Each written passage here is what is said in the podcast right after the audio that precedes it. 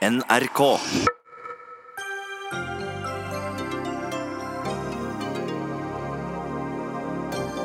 I dag var første dag i saken mot musikeren ASAP Rocky i Stockholm. Donald Trump og Kim Kardashian har engasjert seg for å få ham løslatt. Det kan tidligst skje fredag, sier jusprofessor. Høyresiden vil slå tilbake mot partiet Rødts dominans i debatten om barnehager og eldreomsorg. Rødt selv takker for komplimentet. I årevis har Østlandet blitt lovet jernbanesatsing i og mellom byene. Nå nedskaleres planene. Det ble for dyrt, ifølge Jernbanedirektoratet. Og bør det være egne foreldreutvalg på alle videregående skoler, eller er elevene da gamle nok til å passe på seg selv?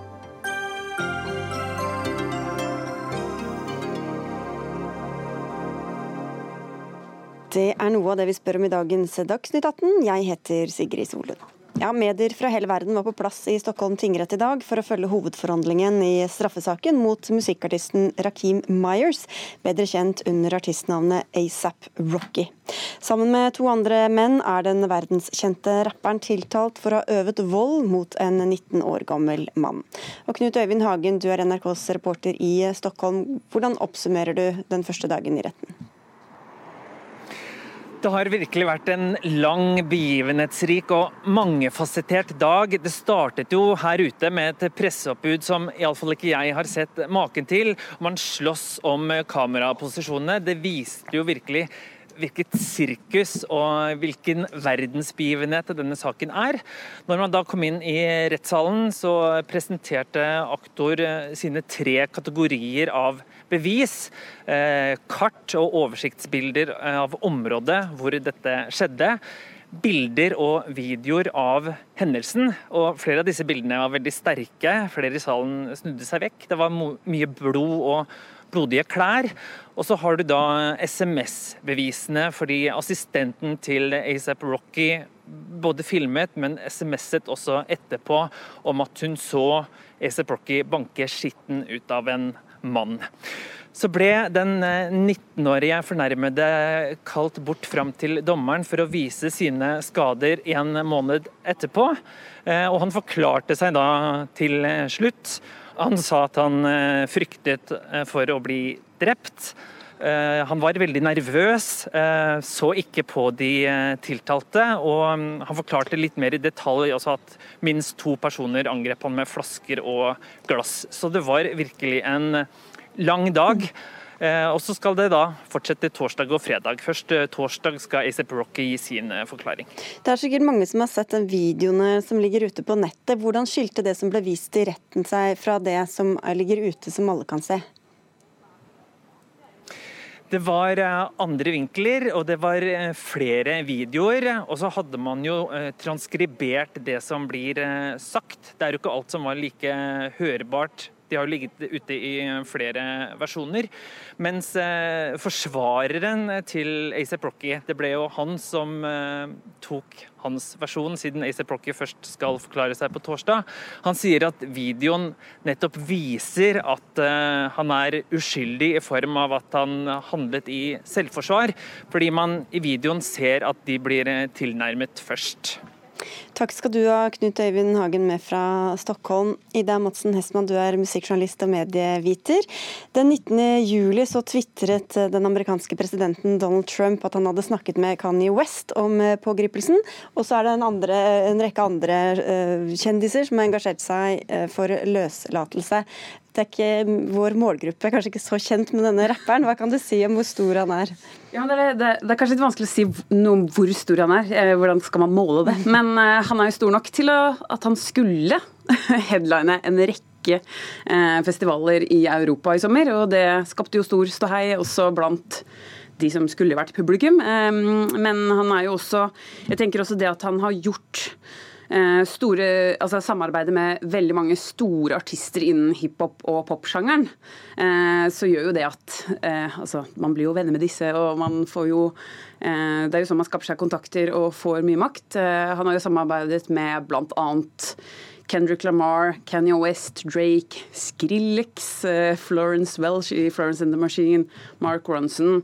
Han har jo blitt et navn, om ikke blant alle her, så, så er han jo et, et kjent navn innenfor rappsjangeren. Og rappsjangeren er jo ikke akkurat undergrunn lenger, det er jo en av de største sjangerne vi har. Eh, i dag innen musikkverden. Ja. Vi skal snakke litt mer om jussen her. Mark Klamberg, du er professor i internasjonal rett ved Stockholms universitet. Det er altså mange tilhengere som er opprørt over at Myers ble varetektsfengslet, siden han har anklaget eh, for noe som normalt ikke fører til varetektsfengsling. Hvorfor skjedde dette likevel? Jo, det er så at eh, for visse brudd der det følger fengelse, så kan det finnes da flyktfara. Om man er da bosatt i Sverige så bruker man ikke hekta for denne typen av brott. Men er man ikke bosatt i Sverige, det kan være at man er bosatt i Polen, Storbritannien eller USA, så anses det av svenske domstolar være skäl for hektning. Så det her var jo da normalt for en person som ikke er bosatt i Sverige. Hekting er altså eh, fengsling, da. Hvilken, hvilken straff eh, risikerer han? Och, alltså, det här är ju då misshandel så maximistraffet eh, för den här typen av brott är två år men då eh, den här händelsen är ju då, eh, befinner sig i den lägre delen så det, det är högst några månaders fängelse som kan bli aktuelt. Og så denne varetektsfengslingen, at han nå sitter i fengsel. Når kan han da tidligst komme, slippe ut? Alltså de har ju planerat att det ska vara tre dagars eh, rättegång, huvudförhandling eh, med slut på fredag. Och det är möjligt att eh, domstolen meddelar på fredag att han släpps fri och det, det kan betyda olika saker. Det kan betyda att de tänker frikänna honom. För domen, själva domen kommer først två veckor senere. Man har två veckor på sig att skriva domen. Men det kan også bety at de har kommet fram til at han er skyldig men at genom at han har vært fengslet redan har avtjänat tillräckligt mye av, av straffet. Så vi, vi får se eh, på fredag. Men det, det, det er mulig at han släpps fri, men det kan betyda olika saker. Dette er jo altså en sak som også får litt sånn politiske implikasjoner her. Anders Giæver, du er kommentator i VG. Eh, Donald Trump har som vi sa, engasjert seg. Hvordan ser dette ut med amerikanske øyne? Eh, nei, altså det, det, blir jo alltid sånn at hvis en, en, borger, en, en, kjent borger av et land, hvis en stor norsk popstjerne hadde blitt eh, arrestert i USA, så ville vi vært veldig opptatt av det, vi også. Vi ville nok liksom kanskje tendert mot å tenke at får han rettferdig behandling her, og rettssystemet i USA, er det egentlig bra nok, og, og, og, sånne ting. Og det er vel den litt motsatte. Men jo, jeg tviler jo på at Erna Solberg da hadde begynt å ringe Trump for å ordne opp i hva domstolene skulle bestemme. Det er jo det som har gjort at det blir såpass uh, kraftige reaksjoner. Ja, for Trump tok da en, en, telefon til statsminister Löfven, men det gikk ikke helt som Nei, han hadde planlagt. Han mente riktignok at Löfven var en veldig talentfull fyr, så han endte med at dette skulle ordne seg. At det, liksom, det er art of the deal og sånne ting som han er opptatt av, men det har vel antagelig heller øh, Hvis det har hatt noen effekt, så har det gjort øh, vondt øh, verre for,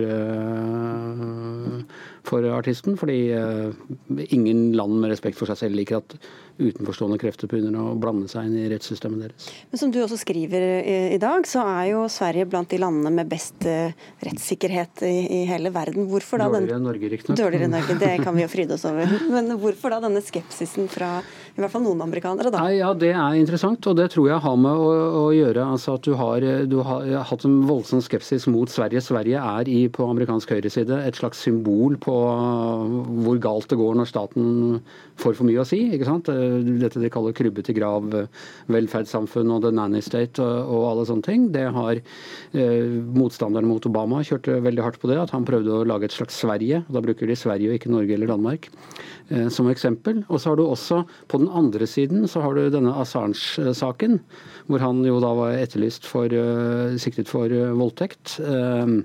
Og ble krevet utlevert fra, fra, England. Og da fikk du på en måte mer venstresideaktivisten som også skapte Så det har vært fruktbar mark for å skape skepsis til den svenske rettssikkerheten. Klamberg, disse, disse amerikanske reaksjonene, hva slags reaksjoner har det skapt i Sverige? Nej, för Sverige har det ju varit viktigt att påpeka att statsministern inte kan eh, blanda sig i ett enskilt rättsfall. Och jag tycker man ska se eh, Trumps utspel mer som ett utslag av amerikansk inrikespolitik där han eh, försöker positionera sig på något sätt att han engagerar sig för, för den här artisten och att det ska ge honom stöd i vissa väljargrupper i USA. Så jag, jag tror det är så man ska förstå Trumps utspel. Mm. Hestman, det, det, en ting er ju den dekningen det får i mange aviser og andre, andre medier. Men sosiale medier, hva slags, hva slags, rolle har de spilt også i denne prosessen? Jeg tenker det, Sosiale medier har jo spilt en utrolig stor rolle her. man ser jo dette engasjementet som mange eh, artister har eh, tatt del i. Eh, det er jo vel oppstått på Twitter aller mest. og jeg tenker egentlig at hvis hvis ikke det var for at folk hadde At, at dette var personer med så mye makt da, som de har. og mm, da snakker vi jo Trump, Kenny West, Tyler the Creator, det var vel også G-Easy som ble fengslet i fjor, da han var på besøk eh, i Sverige i fjor.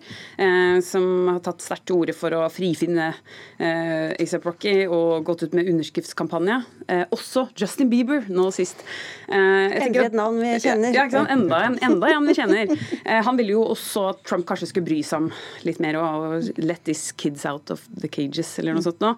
Men poenget er vel bare at det, det viser jo hvordan eh, påstander blir bare spredt som ja, ild i tørt gress. Eh, og på godt og vondt, da.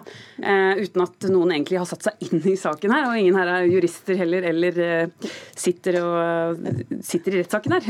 for, for, noen av oss som har forvillet oss inn i noen kommentarfelt, så ser vi også at det er lagt merke til at den 19-åringen som det er snakk om, er en afghansk asylsøker. Ja. Og det påvirker også hvordan ja, den saken omtales. Ja, det det. Eh, jeg, jeg, lurer oppriktig på hva er det som er så fælt for ASAP Rocky der.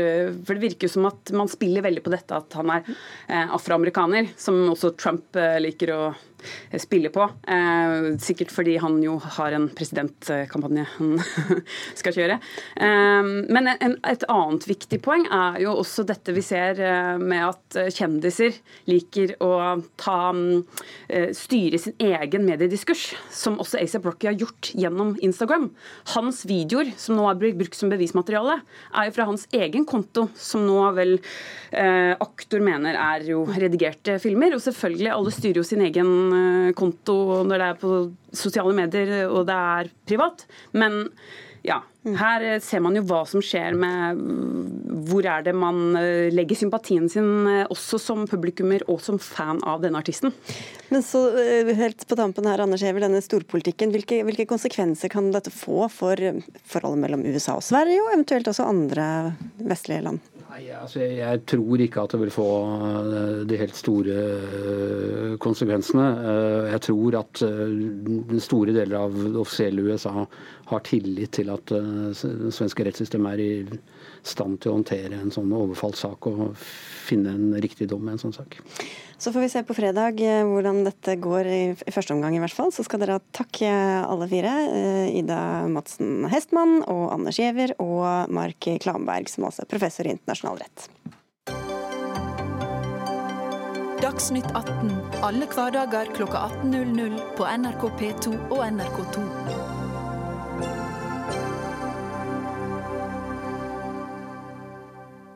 Høyresida mener at de har latt partiet Rødt få dominere debatten om barnehager og sykehjem for lenge.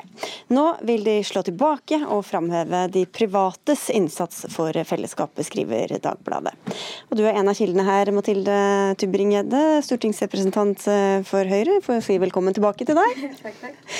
Vi må skjerpe oss, sier dere til Dagbladet i dag. Hvorfor er det behov for det holdt på å si, i akkurat denne saken? Fordi For oss som er glad i den norske velferdsmodellen, og som er opptatt av at eldre og foreldre og barn får gode tjenester, eh, så er det urovekkende at Rødt har fått gjennomslag for sin politikk og retorikk også utover sine egne parti, partigrenser. Og Hvis ikke vi tar til motmæle nå, så er jo det store spørsmålet hva er neste stans? Hvilke nye sektorer skal bli kommunale monopol? Og blir det bedre tjenester? Eh, og Det tror jeg ikke det blir. Dette har vi diskutert mange ganger, men altså dere mener at Rødt, et parti som har én stortingsrepresentant og makt i ganske få kommuner, har fått dominere debatten og som du sier påvirke også retorikken. Hvordan har de klart det, da? Nei, Jeg tror det er flere årsaker. Jeg tror For det første så har vi ikke tatt til motmæle nok ganger når Rødt vil jeg mene sprer ganske mange usannheter. Og så tror jeg nok jeg Høyre har trodd at flere partier ville samle seg om eh, velferdsmodellen vår, eh, og opplevd at må nå må ta kampen ganske alene. Og så eh, skal vi nok være ærlige på at vi ikke har vært tydelige nok tidlig nok at også sektoren er i endring. Og Det betyr at vi må oppdatere regelverket, sikre at det stilles strenge krav til kvalitet, og at Rødts alternativ, som nettopp er å skjære alle private over en kam, er en dårlig løsning på de nye utfordringene som oppstår. Se her, Aydar, du er vararepresentant for Rødt på, på, Stortinget. Du smiler, er vel egentlig bare glad for alt det her, eller? Det er jo hyggelig å få noen komplimenter, men eh, jeg syns eh, Høyre gjør minst like bra jobb nå som de gjorde før. Bare at forskjellen er at folk tror ikke på argumentene deres lenger. Eh, fordi at Høyrets Høyres skrivebordsteorier om at du får mer mangfold og bedre kvalitet eh, med konkurranse i velferden, det ser folk at ikke stemmer. De ser at det i stedet er store selskaper som tjener enorme penger på det.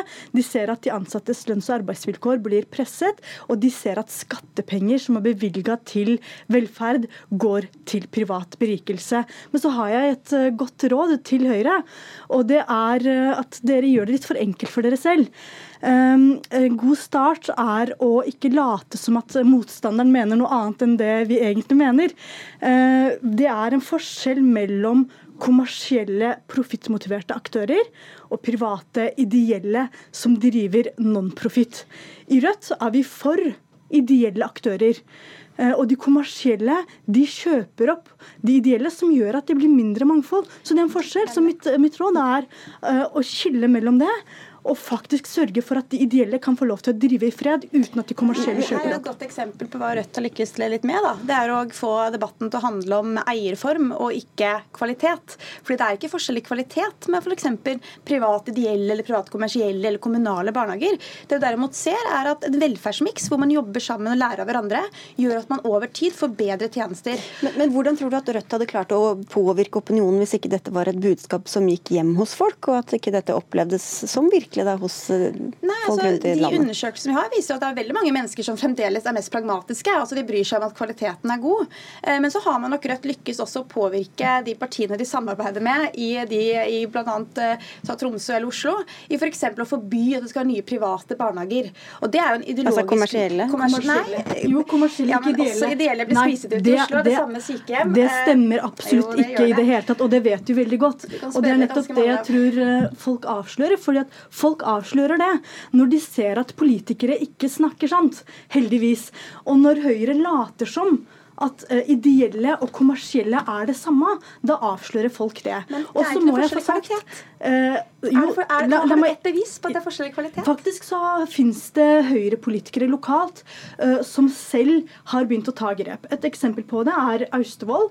Der går Høyre i spissen for å ta Aleris, som er kommersielt drevet, ta uh, sykehjemmene vekk fra Aleris til kommunal drift. Fordi det de opplever, er at det går utover eh, kvaliteten. Så til og med lokale Høyre-folk si, har begynt å se konsekvensene ja, tror, av kommersialiseringen? Jeg tror det finnes dårlige private aktører. Jeg tror det finnes dårlige kommunale tjenester. Og jeg tror derfor det er viktigst som er pragmatisk, å sikre at det er en god miks. Men nå er jo mitt spørsmål litt til, til Rødt. da. Eh, nå har vi startet med barnehagesektoren som dere kritiserer, og sykehjemssektoren. Men hvilke nye sektorer? Bør man ha private fastleger? De tjener penger. Bør man ha eh, private matbutikker? Eh, bør man egentlig i det hele tatt kunne selge velferdsteknologi til kommunene for å gjøre tjenestene bedre? Nå er det forskjell mellom matbutikk og velferdstjenester. Vel, velferdsteknologi, da? Eller fastlege? Eh, eller fysioterapeut? Det folk ser, og grunnen til at jeg tror veldig mange ikke kjøper argumentene til Høyre lenger Du må svare på det. Du må la meg snakke for ja. dem, for det er veldig vanskelig å svare når du aldri lar meg snakke for dem. Ja. Eh, at folk ser at i barnevernet, på sykehjemmene, i rusomsorgen, eh, i barnehagene overalt der de kommersielle får lov til å drive i velferden, så tar de ut store summer som skulle gått til velferden, til egen tjeneste. Det gjør men, det absolutt. Men, men, Du sa at dette var noe, et budskap som, som, eh, gikk hjem. Men alle de som har kjempepositive erfaringer, også med kommersielle private, enten det er barnehager eller, eller sykehjem, hvordan, hvor, hvordan, tror du de opplever å høre dere kalle dem for velferdsprofitører og eh, grådige kommersielle osv. osv.? Det er jo en forskjell først og fremst så tror jeg mange har gode erfaringer fordi at de ansatte jobber eh, veldig veldig mye for å gi god nok tilbud. Det er det første. Og så er det en forskjell mellom Ja, er brukerne og de ansatte og eierne. Eh, brukerne og de ansatte kaller vi jo ikke velferdsprofitører i det hele tatt. Det er de eierne som tar ut penger fra driften som vi kaller velferdsprofitører. Og det er en stor forskjell. Jo, men Hvis de ansatte er fornøyd, og hvis de som bruker tjenesten er fornøyd, hva er problemet? For Stort sett så er jo ikke de ansatte fornøyd heller. Se for eksempel, la meg snakke ferdig. Se f.eks. Aleris. Eh, de ansatte eh, saksøkte eieren sin. Nå blir både Aleris, som har drevet rovdrift på de ansatte, og Ambea kjøpt opp av et internasjonalt oppkjøpsfond som har adresse i et skatteparadis. Og det reagerer folk på, fordi at lønna blir dumpet ned for at eierne Ja, skal ta mer Private barnehager de går eksempel inn nå for, så leste jeg litt på husken her, at alle skulle ha tariffavtale av de, av de ansatte. Er det da fortsatt et problem? Det er et krav Rødt absolutt støtter, men vi mener at det fortsatt er et problem når de tar ut penger fra barnehagedriften. Det vi er opptatt av, at alle penger som er bevilga til velferd, skal gå til velferd. Det er forskjellen. Og så må jeg få sagt at eh, selv om Ja, altså 90, 95% av ansatte i private barnehager har vanlige tariffavtaler på lik linje som nesten over en million nordmenn.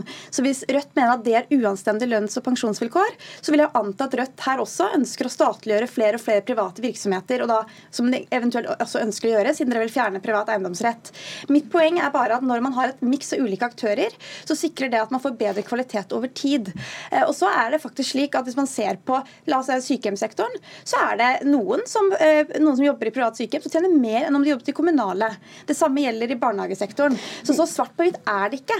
og det er det som er mitt hovedpoeng, at man skal være pragmatisk innstilt til å ha gode tjenester. Du sa ganske tidlig her at du, du var, husker ikke nøyaktig ordet, men uh, som egentlig var litt sånn skjult budskap om, til andre partier om at ikke de tar vare på velferdssystemet. Altså Du anklager da mer eller mindre Arbeiderpartiet, SV, Senterpartiet, MDG og de, alle de andre partiene som ikke er regjeringspartier, for å ikke ville ta vare på velferdssystemet vårt. Ja, eller ikke, ikke stå opp for det, den modellen som har vært en suksess. Og den modellen har nettopp vært at private og offentlige samarbeider for å løse store, viktige velferdsoppgaver. Og det gir Men det vil jo de fleste fortsatt gjøre. Ja, altså det er jo egentlig veldig usikkert. For så er det mye diskusjon om man skal forby da, private barnehager i Oslo og i, og i Tromsø. At man ikke skal åpne opp, eh, la andre private aktører bidra inn. Eh, og da er jo det store spørsmålet hvor går grensene for det? Og det er jo det jeg er redd for, at Rødt nå vil ha ny sektor etter sektor som skal bli for kommunale monopol, uten at det gjør tjenester bedre. Må bare få gjenta at Det er forskjell mellom ideelle og kommersielle. Vi vil at de ideelle skal få lov til å, å være i sektoren. Men når det er sagt, så tror jeg at de aller fleste er enig i prinsippet om at pengene ikke skal tas ut i, i privat profitt. Og det er det som er forskjellen som uh, Tybring-Gjedde ikke vil snakke om her. Men de fleste er også enige at kommunale monopol gir ikke bedre tjenester. Men det er ingen som forsvarer det her. Jo, men det er jo nettopp det som kommer til å skje dersom man ikke lar mennesker som risikerer sin kapital til å starte gode tjenester som, er bra for, som folk er fornøyd med. Men de risikerer ingen kapital. Det er Ok. nettopp det. det, det gjør de. Det gjør de ikke i barnehagen. Nå Det beviser, beviser, Nei, det beviser deres egne rapporter. Bare prating i munnen på hverandre. Da sier, sier vi stats, og takk skal dere ha begge to for at dere kom. Seher Reidar fra Rødt og Mathilde Tybring-Gjedde fra Høyre.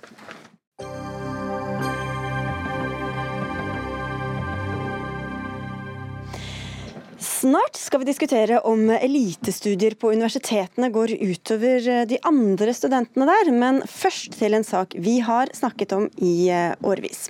For byer på Østlandet har i flere år lagt store byutviklingsplaner fordi planene om intercityutbygging skulle gi nye togstasjoner og kollektivknutepunkt i byene.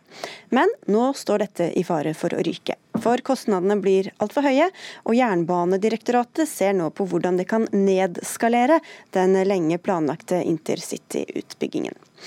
Jon Ivar Nygaard, du er ordfører i Fredrikstad for Arbeiderpartiet. og Hva tenkte du da du nå kunne lese at intercityutbygginga i byen din kan bli mindre enn planlagt? Ja, Det er jo nesten ikke til å tro, i hvert fall ikke når man hører de eh, variantene av at man kanskje ikke skal bygge nye kollektivknutepunkter, nye stasjoner. Fordi det er jo et brudd med det som er Stortingets forutsetninger for eh, disse prosjektene. Nemlig at man skal også bygge gode kollektivknutepunkter som gir god byutvikling og enda flere reisende eh, på den nye intercityen. Fortell hvorfor akkurat dette er så viktig for eh, hvordan Fredrikstad skal utvides eller bygges eh, videre. Det er nok ikke det som er det primære. Det er mange som tror det, at det er at vi eh, snakker om våre egne byutviklingsplaner. Men det handler jo om det store grepet vi gjør sammen, som handler om klimaforliket. Som handler om å legge til rette for at folk skal bruke gange, sykkel, kollektiv, tog i eh, sine reisemønstre. Og det handler om å bygge eh, en intercity som bygger og binder byene sammen på Østlandet. Og det er jo ikke sånn at man kan kutte ut eh, et veldig vesentlig element i denne strategien, nemlig å ikke bygge nye stasjoner. Da vil man jo ikke oppnå de målene som Stortinget har satt. Mm. Og så synes jeg jeg skal legge til at eh, Vi har på mange måter blitt lurt av storsamfunnet en gang før. Eh, vi hadde planen klar gjennom Fredrikstad i 1996. Den gangen så sa storsamfunnet til oss at det kommer ny jernbane innen ti år. Det gjorde det ikke. Og Så ble det ny giv på 2010-2011 og med en ny nasjonal transportplan. og Nå ser vi jo at vi nærmer oss et sånt krysningspunkt hvor vi kanskje heller ikke denne gangen får det som storsamfunnet har lovet oss. Og Det er jo egentlig ikke noe særlig bra, med tanke på at vi må forholde oss til staten som en samarbeidspartner når det gjelder infrastruktur i Norge. Ja, Dette gjelder også selvfølgelig andre byer på, Vest, på Østlandet. Kirsti Slottsvik, jernbanedirektør. Hva er det som har skjedd nå som gjør at dere altså må se på disse planene på nytt? Først og fremst så er, handler det her om kostnader. Og eh, For å bruke Fredrikstad som et eksempel, da, så har vi fått oversendt en eh, egentlig ferdig kommunedelplan eh, som skulle være klar til behandling, som kosta ikke det vi trodde, som skulle være vel 8 milliarder, men et tall som nærmer seg 30 milliarder. Og Det er da vi måtte sette på bremsen og si hva gjør vi her? For det har ikke vi penger til. Og det vi har eh, da endt opp med, er jo eh, å kikke på er det mulighet å få jernbane til Fredrikstad. Eh, og heller utsette bygging av stasjonen. Men hvorfor, dette har vi jo som vi hørte planlagt i ganske mange år, hvorfor kommer disse kostnadsoverslagene nå? Det er jo fordi at det har vært en storstilt planlegging, og der vi da har fått oppdatert og nye tall. Så kan vi alltids diskutere om de første tallene var veldig feil, det kan godt være. Eh, men det som vi veldig enkelt ser på, det er jo hva er de veldig dyre elementene i det nye tallet på knappe 30 milliarder. Og det er ny stasjon til 4 milliarder av det, eh, og også Sarpsborg med flere milliarder, som vi ser på kan vi få bygge jernbane uten å ta disse store byplangrepene. Hvorfor er det riktig å bruke 4 milliarder kroner på en ny togstasjon i Fredrikstad, Nygaard? Det er ikke sikkert at det er. Derfor så er jo vi jo enige om at vi må se på kostnadsstrukturen og se om det går an å spare på hvordan stasjonsløsningen eh, gjennomføres. Det kan være eh, lengde på perronger, det kan være antall spor med mer. Men vi kan jo ikke ende opp med å skrote prosjektet. Og Dessuten så må jeg arrestere jernbanedirektøren på faktaene her. fordi det er jo sånn at De tallene hun bruker nå, det er nær sagt hele intercity-prosjektet fra Seut og til Sarpsborg, og sågar lenger enn det. Vi snakker om 10 eh, milliarder i Fredrikstad, men også det er en kostnadsøkning. Så vi er innforstått med det, at vi må se på muligheter for å spare og, og gjøre eh, grep som gjør at man kommer i mål. Men man kan jo ikke skrote prosjektet. Og Det er det jeg opplever at jeg hører at jernbanedirektøren eh, mellom linjene sier. Hun snakker om hvor fantastisk fine de gamle stasjonene er. Og det er jo riktig, det vet vi jo. De var jo fantastisk fine og riktig plassert i 1873. Men eh, det kan jo ikke være et argument for at vi ikke nå skal bygge nye, moderne kollektivknutepunkt som gjør at vi får maks ut av den investeringen samfunnet skal gjøre. Ja, for Høreslåssvik, Er det det du sier, at de må rett og slett legges på is eller skrotes, disse planene? Eh, skrotes er feil. Det som jeg har sagt, er at eh, store, flotte stasjoner med gamle enkeltspor imellom er veldig lite verdt. Og Da er min prioritering å si at det er bedre å bygge dobbeltspor til Fredrikstad. Eh, og så får vi se hva vi kan få til i tillegg. Men å, kunne, å skulle bygge det som nå ligger der, med de meterprisene som, som ligger der for jernbanen, eh, ser jeg på, på som urealistisk med de rammene vi har nå. Men hvis du sier det skrotes ikke, men det utsettes, da. Hvor lurt er det da å bygge nye spor eh, til noe som da eventuelt må gjøres om på når dette faktisk skal gjennomføres inne i byene? Vi har vel en veldig klar plan om hvor vi i så fall må stoppe for at det ikke må gjøres om igjen. For det har jeg vært opptatt av. at nei, Vi snakker ikke om å flytte stasjoner ut på, på landet, vi snakker om å bygge mellomstrekningene for å nettopp bygge intercity, eh, og innenfor de rammene vi har. Og hvis dere må velge, da, Nygaard ja. Problemet her er jo at man dobbeltkommuniserer. ikke sant? Fordi Vi var senest i møte med eh, bypakkestyringsgruppa vår her rett før sommeren, 14.6. Jernbanedirektoratet til stede, Bane Nor til stede. Tydelige signaler, fortsett planleggingen, slik at vi får dette på plass. Men selvfølgelig også dette her man skulle se på kostnader. Og det, det, er klart at Hva skjer da, hvis vi får en, et press på å gjennomføre planer, uh, går til næringsliv og beboere og sier at husene deres skal kanskje innløses? Og, og, så, vis, og så, viser det seg at man faktisk da ikke skal gjennomføre. Så, så her må man måtte bestemme. Og så tror jeg man må huske på at dette er ikke så enkelt. I Fredrikstad driver vi og planlegger ny rv. 110 sammen med ny intercityløsning. Så her henger altså vår bypakke og byutvikling sammen med jernbaneutvikling. Så dette er ikke kostnadsfritt å stoppe disse prosjektene. Her er det jo lagt ned eh, bare i Fredrikstad kommune et sted mellom 50 og 100 millioner kroner i planleggingsmidler gjennom flere tiår. Mm. Så man må liksom ta med hele kostnadsbildet, tenker jeg. Samfunnsøkonomien i det. Skjøtsvik. Eh, jeg hører hva ordføreren sier. Jeg forstår veldig godt frustrasjonen hans.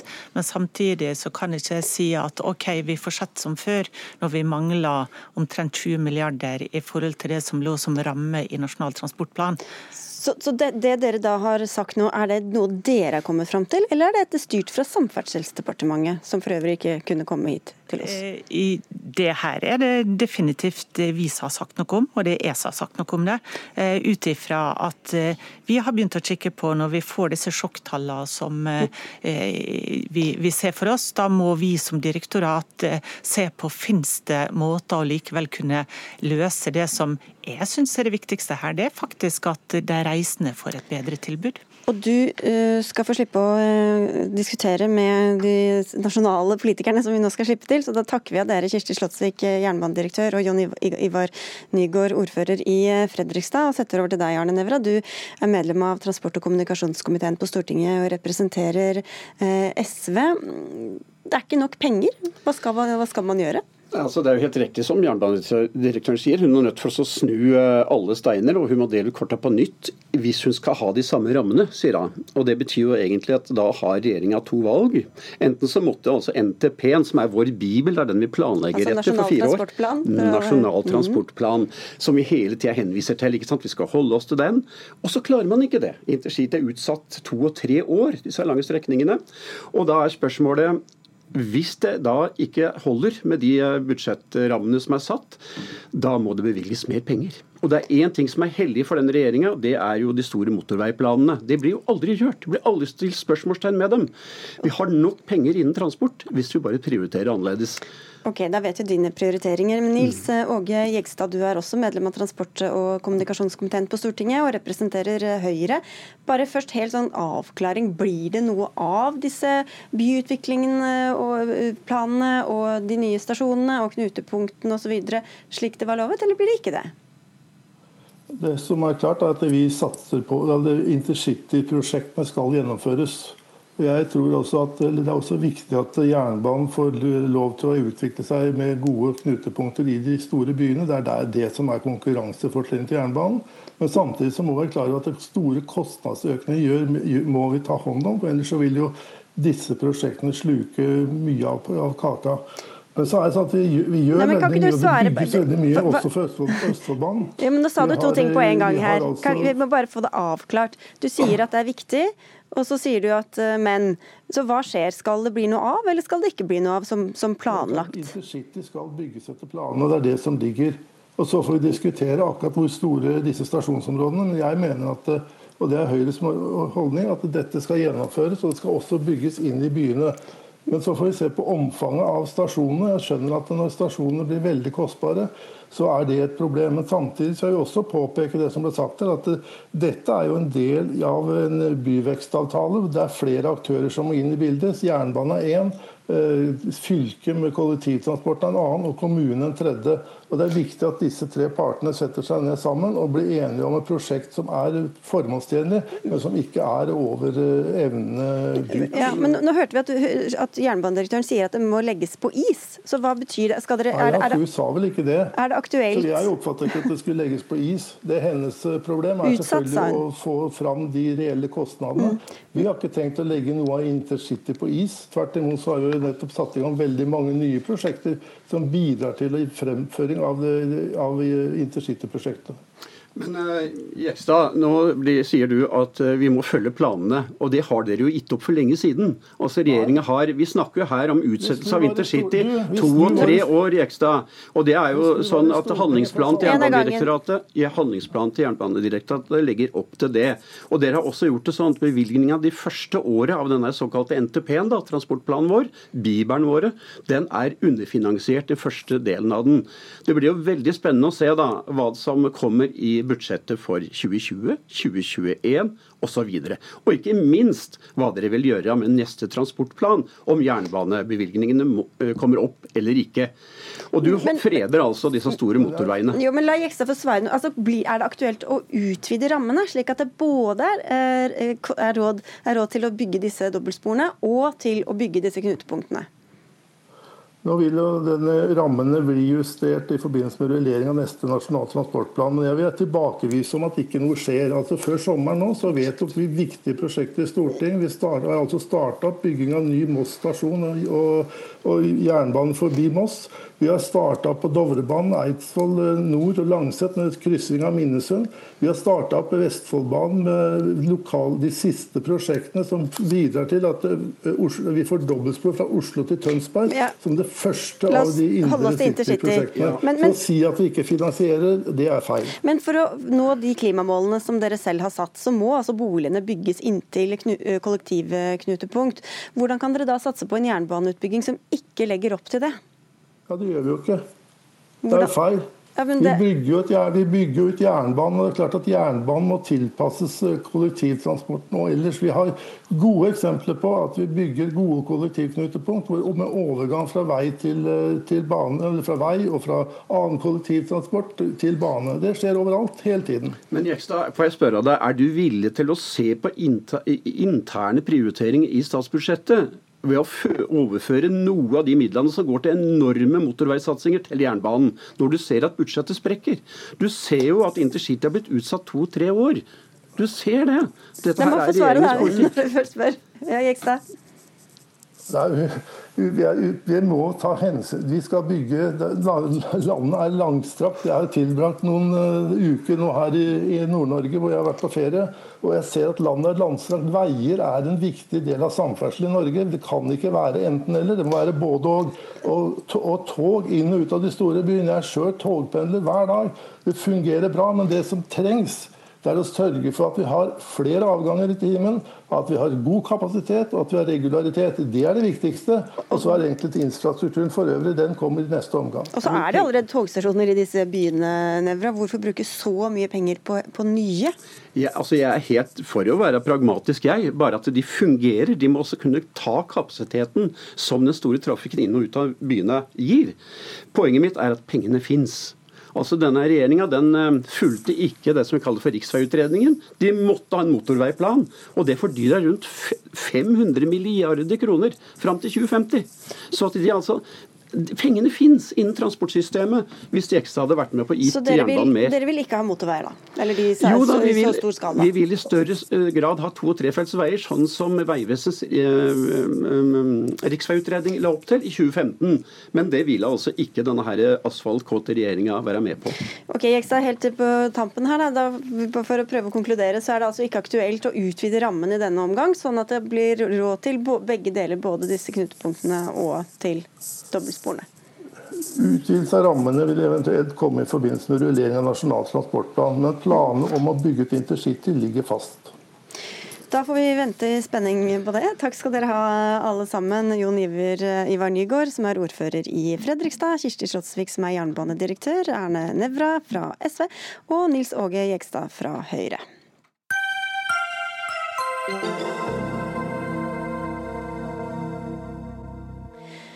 Snart åpner det nye Honors-programmet ved Universitetet i eh, Oslo. 20 studenter har fått eh, plass på studiet, som var årets vanskeligste å komme inn på. Det er spesielt rettet mot ambisiøse studenter og gir også flere studiepoeng enn eh, vanlig. Mona Fagerås, du er utdanningspolitisk talsperson i Sosialistisk Venstreparti, og du sier til Klassekampen at du ikke er særlig begeistra for dette nye Honors-programmet. Hvorfor ikke? Nei, SV vil ha høyere utdanning til de mange, og ikke bare til noen få. Vi frykter at dette programmet skal gå utover kvaliteten og tilbudet til de andre studiene.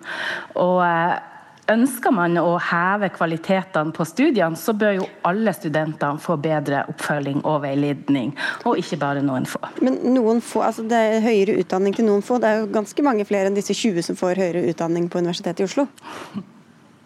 Ja, men dette eliteprogrammet det skal legge til rette for bedre faglig oppfølging og veiledning for et fåtall studenter, i dette tilfellet 20 studenter. Jeg mener man heller burde prioritere å gi alle et kvalitetsløft, som jeg eh, vet at studentene sjøl etterlyser.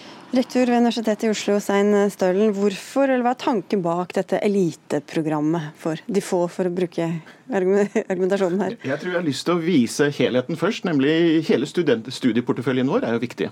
Så dette er ett av de nye programmene vi etablerer i år. For to år siden startet vi et nytt program i digital økonomi og ledelse. I april startet vi en erfaringsbasert master for religiøse ledere. Neste år kommer den første PP1 i Norge, politikk, filosofi og økonomi. Vi bygger en total studieportefølje. Dette kommer jo i tillegg til medisin, til juss, til lektorprogram, til realfag osv. Så, videre. så vi lager et totalt studieopplegg som er tilpassa arbeidslivet, som er tilpassa det samfunnet vi lever i. Og da er dette ett element. Det vi prøver å gjøre her, det er å gi noen studenter som har eh, som er veldig ambisiøse. Et tilbud hvor de både kan gå i dybden på disiplin og gå og se på det tverrfaglige. I år så er tema for dette programmet kunstig intelligens. Og Da er det jo tema hvordan du kobler både det menneskelige og det teknologiske. Jeg er overbevist om at dette er et program som kommer til å bety mye for disse studentene, og som er viktig for samfunnet fremover. Fagerås, det er ikke sånn at hvis noen får eh, religiøs utdanning, så må alle få det. Altså hvorfor, når du ser det er forskjellige tilbud til forskjellige studenter, hva er problemet egentlig? Nei, altså, Jeg har lyst til å heve pekefingeren litt og, og, minne rektoren eh, på Universitetet i Oslo om det ansvaret som han som rektor har, og det ansvaret styrene har for de høyere utdanningsinstitusjonene i Norge. Hver gang jeg utfordrer høyere utdannings- og forskningsministeren eh, på de utfordringene som finnes i sektoren, det kan være studiestedsstruktur, som nå er veldig aktuelt ved Nord universitet, eller utfordringer også eh, denne rektoren har med midlertidige ansattelse i sektoren, så får jeg eh, svaret fra ministeren at dette er opp til styrene å bestemme. Det vil si at det samfunnsansvaret som også rektoren på eh, Universitetet i Oslo har, eh, det hviler tungt på, på skuldrene til styrene og rektoren i sektoren.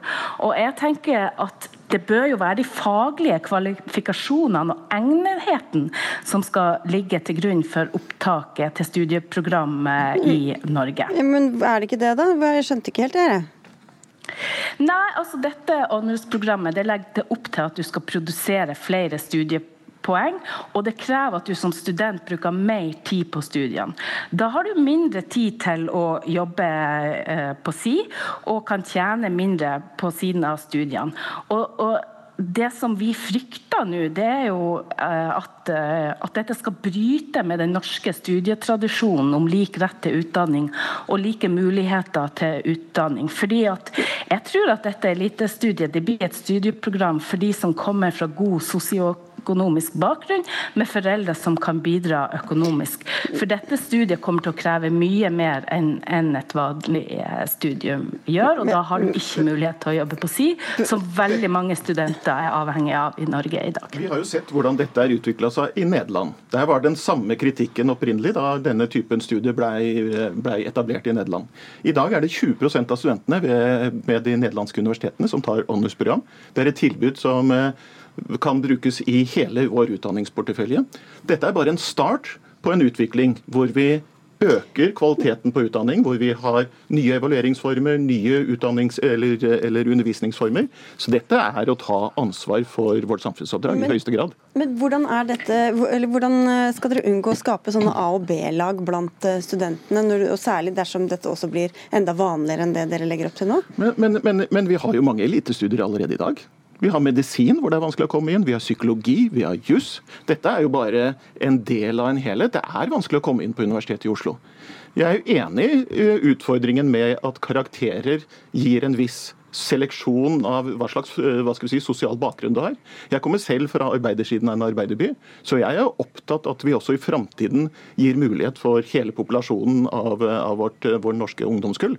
Så Sånn sett så er det jo viktig å diskutere både størrelsen av programmet, da vil, da vil eh, karakterkravet gå ned, og da vil flere få tilbud, og også opptakskriterier som gjør at vi også kan slippe til andre deler av samfunnet i slike program. Men det er en litt annen diskusjon, egentlig. Fagerås, dette er jo også noe vi ser i mange andre land, eh, som det ble nevnt her også. Hvordan, hvorfor skal du risikere at de flinkeste studentene heller da reiser til prestisjeuniversiteter i andre land, i stedet for å eh, bli tatt godt hånd om på, på Universitetet i Oslo og andre universiteter i Norge?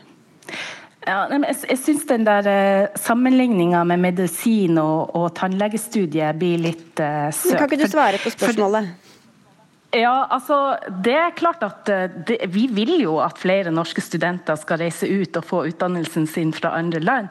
Og det er ikke noe SV har Jo, noe så- så- som helst imot. Okay, så sånne Men programmer i andre land er bra, norske, men ikke i Norge, er det- er det det du sier? Men poenget her må være at det skal være lik rett til utdanning for alle. Og da eh, trenger vi ikke å kopiere et allerede eksisterende studieprogram, eh, sånn som eh, Universitetet i Oslo skal, skal gjøre nå. Men hvis, hvis norske studenter reiser og tar sånne honors-programmer i andre land, er det også feil? Nei, altså øh, Norske studenter og norsk ungdom må gjerne reise ut og ta utdannelsen. Ansvaret øh, Universitetet i Oslo og de andre høyskolene og universitetene i Norge har, det er å gi lik rett til utdanning for alle. Og Da kan vi ikke ha et sånn A- og B-lag som Universitetet i Oslo øh, nå legger opp til. Og så er jeg opptatt av frafallet i høyere utdanning. Ja, eh, Nå har vi fått en OECD-rapport som viser at vi er i ferd med å få mye større frafall fra utdanningen. Og Da er det jo det med kvaliteten på de allerede eksisterende utdanningene kommer inn. Vi er nødt til å heve den. Ja, for Hvordan kan du vite at ikke dette kan altså Det koster jo tid og ressurser og penger, dette honors-programmet også. Så hvor skal dere ta det fra? Hvem er det som skal få mindre? Nei, det Vi bruker, ikke sant? Vi har jo en totalbevilgning på Universitetet i Oslo på ca. 5,5 milliarder fra staten. Her bruker vi 1,5 million for å lage et nytt eh, studietilbud som kommer til å være en lab hvor vi kan teste ut evalueringsformer, undervisningsformer. Det kommer til å smitte ut på resten av våre studieløp. Så jeg er helt overbevist om at dette er en måte å tenke nytt på, eksperimentere på, det var framoverlent, og lage tilbud som er tilpassa det samfunnet vi lever i.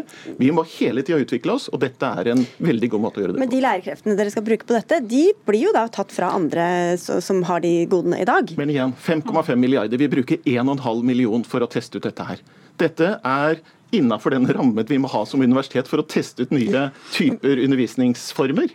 Og det å teste ut nye undervisningsformer, det er det som kommer til å skaffe oss eh, framgang. Det er det som kommer til å redusere frafallet i sektoren. Og Hva er det dere ser for dere at disse studentene skal gjøre da? Hva slags karrierer er det de skal få når de, går ut fra dette programmet? Våre studenter har jo si, bygd Norge, endra Norge i snart 208 år. Våre studenter er attraktive på arbeidsmarkedet. De går ut i alle deler av samfunnet. Og jeg er helt overbevist om at også disse studentene kommer til å være svært attraktive på arbeidsmarkedet. Fagerås, hvordan vet du at dette ikke er med på å høyne kvaliteten for hele studieplassen?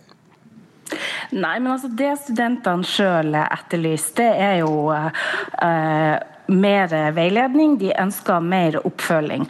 Og hvis han bagatelliserer rektoren her veldig, eh, men for meg så høres det ut som han kunne brukt disse pengene på eh, flere studenter og fått mer igjen for pengene, slik at kvaliteten på norske studier eh, for flere hadde blitt bedre.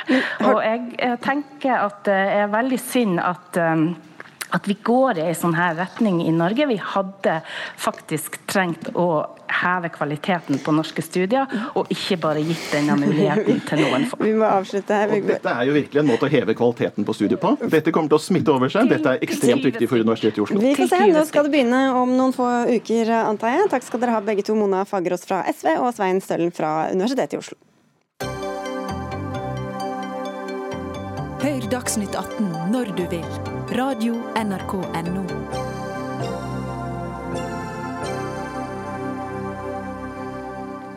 Det er nok mange seere og lyttere som har stirret hardt ned i gulvet når spørsmålet er kommet på foreldremøte. Hvem eh, vil sitte i foreldreutvalget FAU? Etter 10. klasse har de fleste kunnet puste letta ut, for det er jo ikke krav om foreldreutvalg på videregående skoler. Men det vil dere gjøre noe med, Gunn Irene Müller. Du er leder i foreldreutvalget for grunnopplæringen, som altså bidrar med veiledning til foreldre om samarbeid mellom hjem og skole. Hvorfor ønsker du FAU ved alle videregående skoler? Fordi frafallet i videregående skole er på 30% og det har ikke endra seg noe særlig de siste 20 åra. Så nå er det på tide å tenke litt nytt. Foreldre som engasjerer seg i elevenes skolehverdag og samarbeider godt med skolen, de øker trivselen og dermed også læringen. Og det er ingen grunn til å tro at det slutter når elevene begynner på videregående skole. Så foreldre kan bidra til å hindre frafall. Og ingenting bør være uprøvd egentlig når det gjelder dette med å hindre frafall, selv ikke en eventuell eh, lovendring. Da får vi høre med deg, da. Kristin er nestleder i Elevorganisasjonen. Dere er ikke så begeistra for forslaget. Hvorfor ikke? Nei, Først så er det bare viktig å presisere at vi er ikke imot eh, FAU. Men vi ønsker å si at det er veldig viktig å fokusere på hver enkelt skole som enkeltsak. Fordi hvis elever syns det er hensiktsmessig å ha FAU, så er det veldig kult. Men vi burde ikke pålegge alle skoler å ha det allikevel. For på videregående så er alle elever og elevdemokratiet burde stå for samarbeidet med skoler sjøl. Eh, videregående ses ofte på som overgangen i voksenlivet, og da burde vi tørre å lære å la dem stå og ta ansvar for egne saker. Men, men hvis dette, for dette er jo Poenget er å styrke samarbeidet mellom foreldrene og elevene og skolen. Og Hvis det kan være med på å hindre at, at folk faller ut av videregående, hvorfor ikke i hvert fall forsøke? Altså, Jeg tror ikke at eh, grunnen til at folk faller fra er fordi at eh, det ikke er nok samarbeid mellom foreldre og elever. Jeg tror at her er det viktig at vi fokuserer på elevdemokratiet og styrker elevrådene, sånn at de kan bidra til at skolehverdagen blir bedre.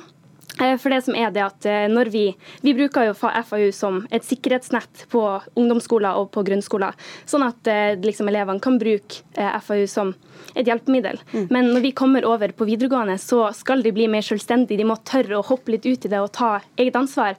Og da tror jeg at vi heller kan løse dette på andre måter. Emilie, hvordan skal elevene bli voksne og ansvarlige hvis foreldrene skal også ha denne organiserte kontakten med skolen til og med etter myndighetsalder? Eh, ja, Vi mener at foreldrene er en støtte for barna også etter at de er blitt myndige. Og vi mener at foreldrene kan støtte opp under det arbeidet som elevrådet gjør. Eh, og at eh, sammen så kan man komme fram til gode løsninger. Foreldrene trenger denne felles arenaen og dette nettverket for å kunne støtte barna på en god måte. Og kanskje med tanke på valg av studier, hva det nå enn måtte være som de har behov for. Ja, hva skal de egentlig gjøre? Hva skal FAU gjøre på videregående? Eh, FAU vil jo ikke ha noen formelle oppgaver, slik jeg ser det. Eh, det. Det er annerledes enn i grunnskolen. Men det ville være for å ha dette nettverket der man kan lære av hverandre. Foreldrene kan lære av hverandre. Man kan også støtte opp under altså det arbeidet som elevrådet gjør for å styrke eh, skolemiljøet. Det kan også foreldrene støtte opp under eh, med å ha nettverk seg imellom, mm. men også med å, å, eh, bidra inn eh, til prosjekter f.eks. som elevrådet setter i gang. Tom Jambak, du er sentralstyremedlem i Utdanningsforbundet, og forbundet har ikke tatt stilling eh, til dette ennå. Men personlig er du ikke spesielt positiv til et sånt påbud. Hvorfor ikke? Nei, det er riktig. Jeg, er, altså jeg, jeg syns det er et bra initiativ og er villig til å diskutere det forslaget. Men jeg mener jo som Elevorganisasjonen at vi må gi elevene både tilliten og ansvaret for å ta over liksom, ta hovedrollen i deres eget liv tidlig. Og Det har de mulighet til å gjøre gjennom et velfungerende elevdemokrati på skolen. Eh, så spørsmålet er sånn hvordan vi skal jo forberede dem på voksenlivet, og de skal bli selvstendig tenkende mennesker når de kommer ut. og Når er de virkelig skal få muligheten til å gjøre det? På, så, men jeg vet at blant mine, eller våre tilhenger, eh, medlemmer i videregående skole, så er det delte meninger om dette her. sånn. Og, og det finnes skoler som har det, bare for at det er sagt også. Og, og de skolene som har gjort det, og laga et samarbeid mellom, eh, med, med, elever, eh, lærere og foreldre, heia dem. Det er kjempebra hvis det fungerer. Men uh, hovedsaken for lærere i videregående skole er å få god tid til undervisningen og til å forberede undervisning.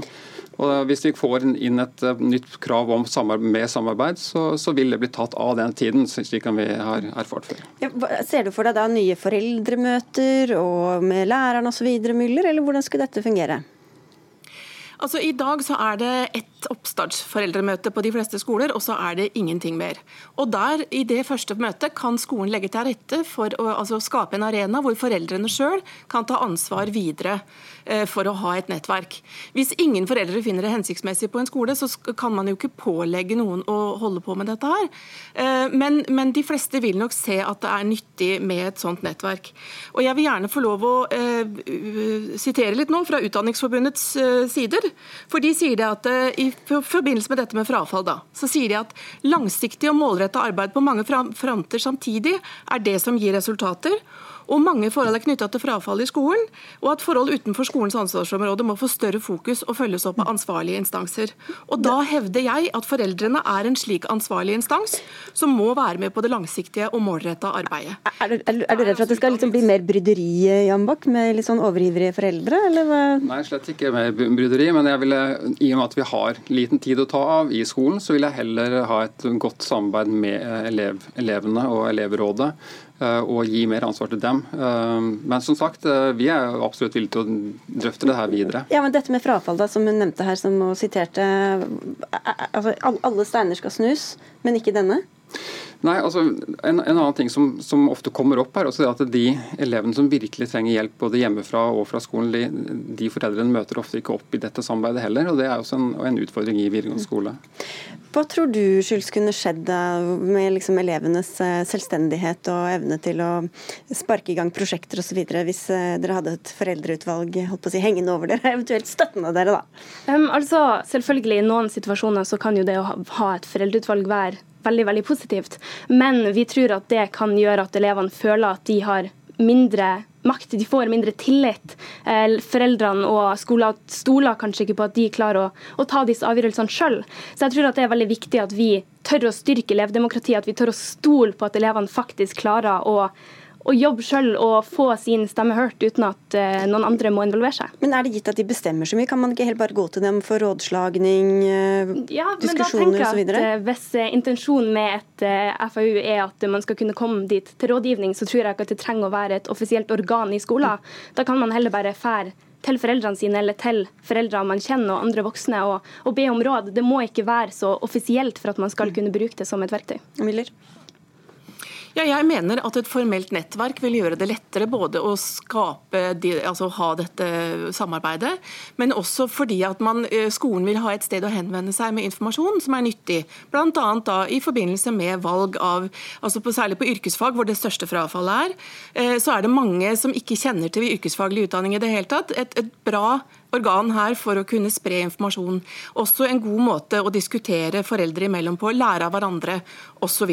Mm. Vi tror veldig på at dette både for, for karrierevalg og for senere yrkesvalg, også, altså for de som skal på høyere utdanning, så tror vi at et sånt foreldrenettverk vil være en styrke for elevene gjennom videregående skole. Ja, I Elevorganisasjonen så tror vi ikke at svaret på å forhindre frafall er å eh, opprette et eh, foreldreutvalg. Vi tror heller at vi må styrke teamet rundt eleven, sånn at folk kan ha folk på skoler som støtter dem, i stedet for foreldre hjemme. Men noe av dette handler kanskje også om at en del foreldre føler at de ikke aner noe om hva som skjer på skolen, Jan Bak, At de får veldig lite informasjon om, om hva som hender i timen og i friminuttene? Mm, ja, det er helt riktig. og vi har vel alle, altså, Vi som har, har eh, barn i den alderen, vet jo det at det har skjedd på skolen. Ikke noe. Uh, og så Det forstår jeg veldig godt. Men det handler, handler også om dette her med ansvaret. Og når, når ungdommene skal løsrive seg fra foreldrene og faktisk få ta det ansvaret. For eh, hvis de ikke får ansvaret, så tar de det heller ikke. og Da blir det en, kanskje en hvilepute for dem. Men eh, når det er sagt, så tror jeg også at vi har jo i utgangspunktet har vi mange ledermedlemmer. Eh, og de er nok, Jeg tror nok at ledermedlemmene våre ønsker et mer forpliktende samarbeid mellom skole og, og, og foreldre i den på de områdene der det er viktig. Men det, men det er også sånn at de aller fleste som, som går på skolen, det går jo helt greit med dem. Så om vi skal ha forpliktende samarbeid med alle de, det er ikke jeg sikker på. Men de som trenger det, de trenger det. Tenk så gøy å kunne ha med foreldrene på russefeiring og sånn. Eller? Ja. Nei, unnskyld, skyld, um, altså, vi henviste jo nå til det at det er noen foreldreutvalg som har arrangert seminarer i forkant av russetida. Og det er jo noe som er veldig fine tiltak, men da tenker jeg at skolen alene må komme frem til om det er noe de ønsker. og det må ikke et foreldreutvalg til for at man skal kunne iverksette sånne tiltak. Da fikk vi i hvert fall diskusjonen. Takk skal du ha, Kristin Schulz fra Elevorganisasjonen, og Tom Jambakk fra Utdanningsforbundet, og til Gunn Irene Müller, som er leder i Foreldreutvalget for grunnopplæringen. Og på vegne av alle oss som prøver å få noen til å ta over foreldreutvalgrollen, så må jeg bare si at det er veldig viktig å delta i FAU, eller rekke opp hånda neste gang. Da takker vi for oss, Jarand Ree Mikkelsen, Erik Sandbråten og jeg, Sigrid Solund. you